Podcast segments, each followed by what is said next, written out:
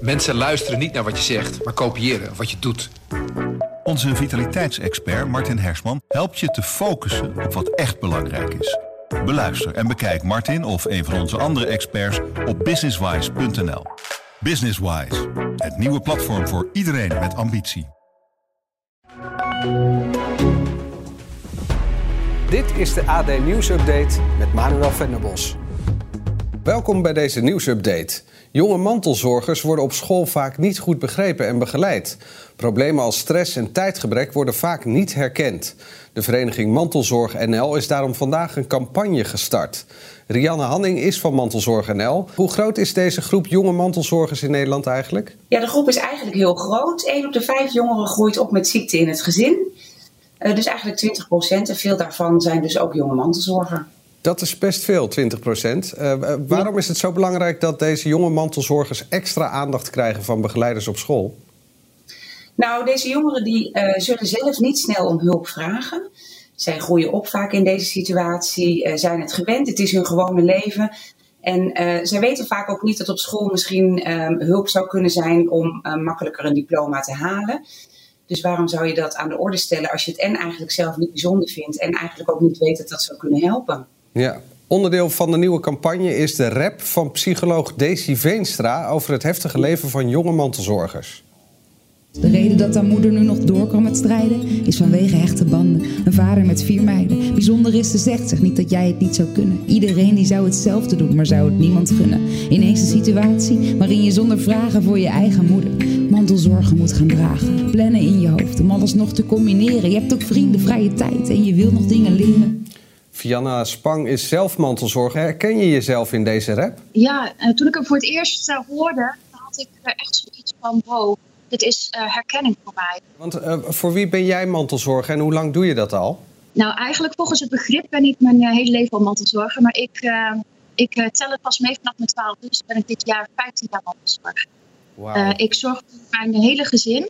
Dat is nou ja, voor, mijn, voor het overlijden van mijn vader en mijn vader. Nu nog voor mijn moeder en uh, voor mijn broertje. En ja, ik kan me voorstellen, daar ben je dus gewoon ja, fulltime mee bezig. Maar dan heb je dus ook nog uh, school, opleiding, andere dingen. Ja, helaas wel. het is soms nog wel een uh, issue om dat te combineren. je bent jong, je wilt wat, net zoals het deze eigenlijk in de web zegt. voor mij ehm, brengt het ook wel issues mee met huiswerk. met, met nou ja, kijk, iedereen is snel geneigd om te vragen hoe gaat het met je uh, moeder, met je broertje, maar niet uh, ja, hoe gaat het met jou? Ja, want hoe heb je de begeleiding vanuit school vroeger ervaren? Um, ja, uh, ze wisten nooit goed wat ze met me aan moesten.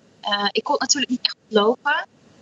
als mijn ouders op 10 minuten gesprek kwamen, dan was het al gelijk de kat of de aap uit de mouw, zeg maar. Maar ja, het, het was heel apart. ik moest mijn eigen 10 minuten gesprek betalen. En ja, ik, ik kon wel zeg maar rekenen op dit, maar ja, ze wisten gewoon echt niet wat ze me aan moesten. Dus uh, het enige wat ik kon doen was kijken van nou weet je, als het moeilijk bleef en de water stond een beetje op de lippen, dat ik dan zei van oh, is dit of dit misschien Open deur vraag, maar wat voor impact heeft dit gehad op jou, uh, jouw leven? Dat ik 27 ben nog steeds op een mbo-opleiding zit.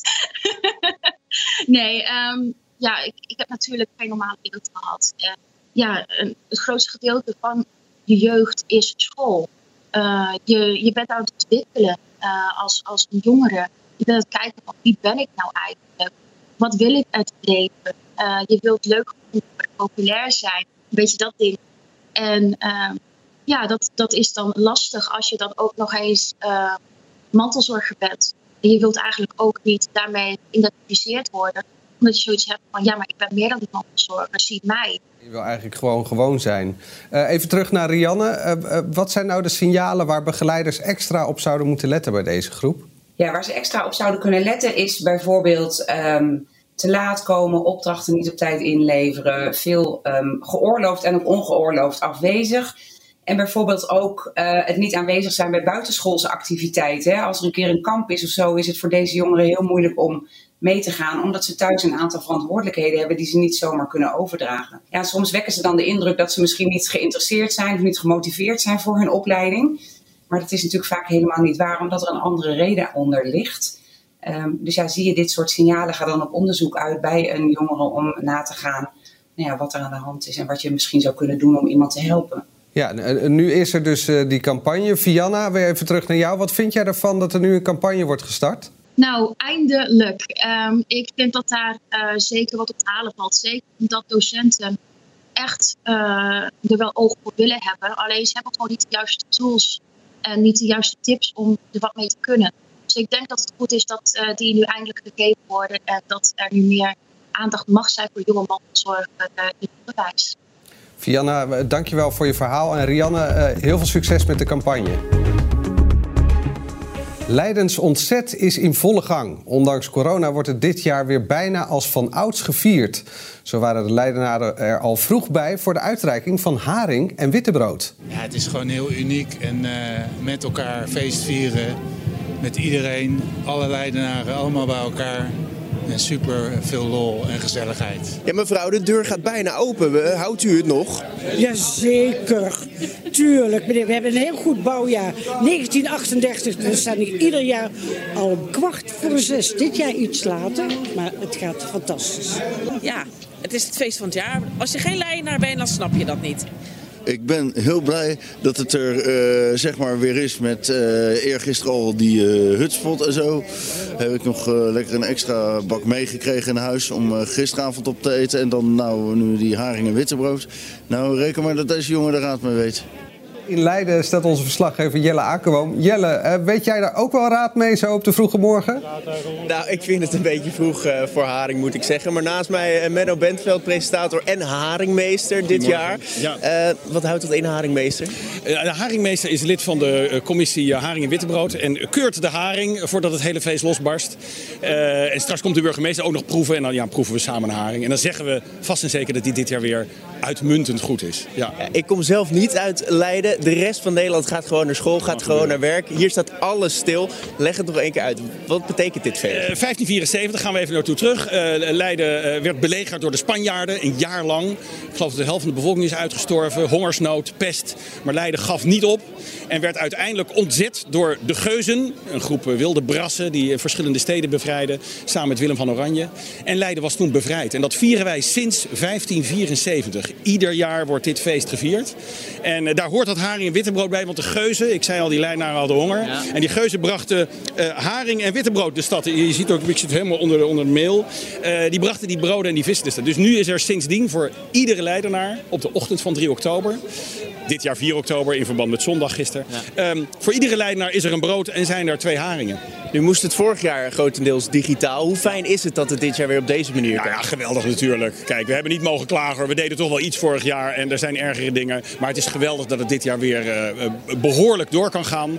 En volgend jaar weer op helemaal op volle kracht. Maar nu komen er alweer duizenden mensen staan hier in de rij uh, om uh, hun haring en hun wittebrood te halen. Ja, want je zegt behoorlijk. Zijn er dan wel wat dingen die anders zijn dan ja, normaal? Er zijn dagelijks festiviteiten. Heel veel daarvan gaan door. Maar bijvoorbeeld de grote optocht met duizend mensen opeengepakt die dan staan te Dat kon dit jaar niet doorgaan. Maar wel een avondoptocht, een pleintap toe, de grote kermis, de, de bridge drive voor bejaarden. Uh, heel veel uh, muziek en kroegen. En dus de grote hutspotmaaltijd twee dagen geleden. En nu dus het haring en wittebrood uitreiken. Ik zag wel QR-codes, hè? QR-codes, ja, scannen, gedoe. Ach ja, we doen er maar aan mee. Het is niet anders, hè?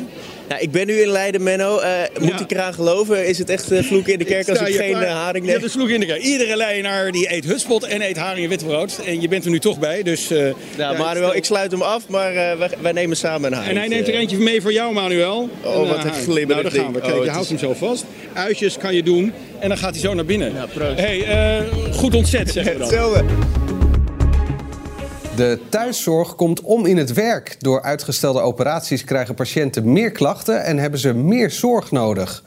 Wil van der Laar is bestuurder van zorgaanbieder De Zorgboog. Hoe hoog is de nood nu in de thuiszorg? Uh, de nood wordt eigenlijk nu uh, nog wat prander... doordat we te maken krijgen met inhaalzorg vanuit de ziekenhuizen. Dus uh, steeds meer mensen worden nu zeg maar met inhaaloperaties geopereerd... die weer snel naar huis moeten. Waardoor nu de nood nog wat meer naar boven komt. Maar eigenlijk hebben we al jarenlang weten we dat dit eraan zit te komen. En dat de toekomst ook is dat wij steeds meer thuiszorg klanten gaan, moeten gaan bedienen terwijl het personeelsaanbod veel lager om al die, die grote groep uh, zorgvragers te kunnen bedienen eigenlijk. Ja, je hebt het over uh, inhaaloperaties. Zijn al deze problemen toe te schrijven aan de nasleep van corona?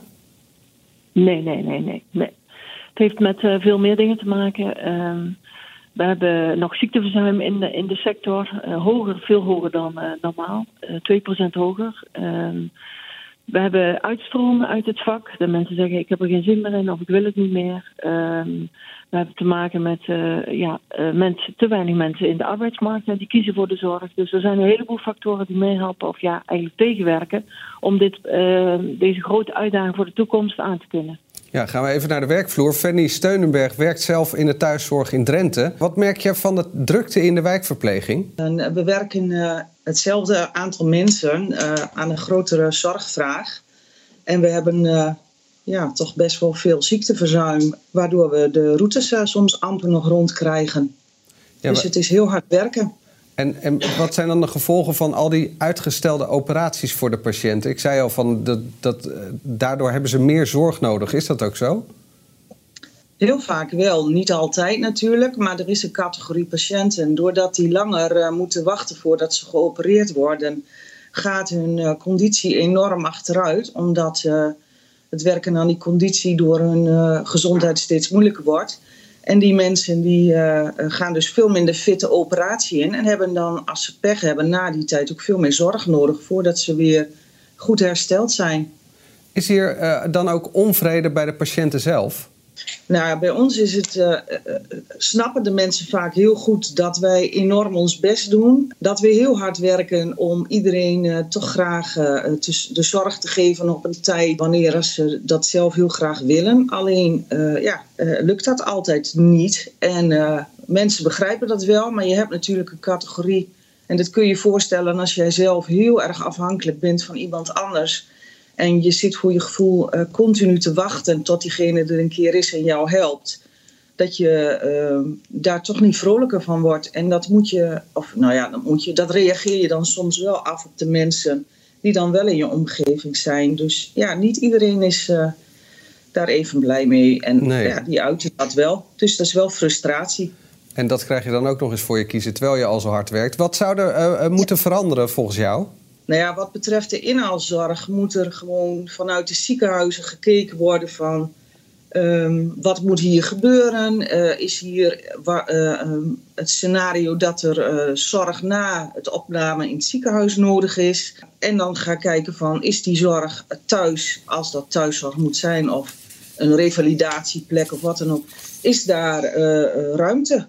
Dus kunnen wij die hoeveelheid die wij gepland hebben ook uh, in de thuiszorg uh, wegzetten of in de revalidatiezorg. Dus niet alleen naar hun eigen stukje, maar verder. Dus wat meer plannen in de lijn. Gaan we even terug naar bestuurder Wil van der Laar. Uh, ben je het met Fanny eens? Ja, ik, uh, ik zie in de keten kunnen echt nog wel de samenwerkingsafspraken duidelijker gemaakt worden. Dus de instroom in het ziekenhuis bepaalt ook een deel de uitstroom. Aan de andere kant denk ik ook dat we moeten accepteren dat tegenwoordig ook met technologie heel veel zorgvraagstukken op te lossen zijn. Denk aan van tevoren leren je steuncoach aan te trekken, waardoor je naar de hand niet afhankelijk bent. Of de inzet van een druppelbril, zodat je zelf je oog kan druppelen als je een oogoperatie hebt gehad zo'n technologie, dat is ook nog echt wel redelijk nieuw in de thuiszorg. Maar waarin we wel veel meer, zeg maar, uh, de klant zijn zelfredzaamheid en zijn eigen regie terug kunnen geven. En het mantelzorgnetwerk uh, wat optimaler in kunnen zetten, waardoor mensen niet afhankelijk zijn van de thuiszorg. Dat is ook een van de uh, mogelijkheden om dit probleem wat, wat te tackelen. Wil van der Aan de andere kant denk ik ook belangrijk, ja, sorry, ja, ja. Uh, dat we mensen meer salaris aan gaan bieden in de zorg, hè, want daar verdienen ze ook. Ik denk echt dat ze zijn onderbetaald hè, vergeleken in, uh, met het bedrijfsleven. Bovendien krijgen we in de tarieven ook geen opleidingskosten vergoed. Dus ook daarin zitten wel wat beïnvloedende factoren, waardoor we uiteindelijk de zorg ook aantrekkelijk kunnen maken voor de medewerkers in de toekomst. Wil van der Laar en uh, Fanny Steunenberg, bedankt voor jullie verhaal. En tot zover deze nieuwsupdate. Meer nieuws, check de app of de site.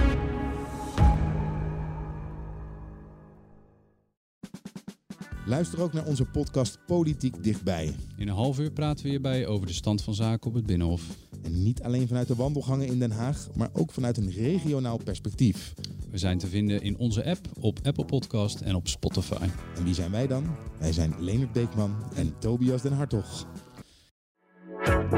Mensen luisteren niet naar wat je zegt, maar kopiëren wat je doet. Onze vitaliteitsexpert Martin Hersman helpt je te focussen op wat echt belangrijk is. Beluister en bekijk Martin of een van onze andere experts op businesswise.nl. Businesswise, het nieuwe platform voor iedereen met ambitie.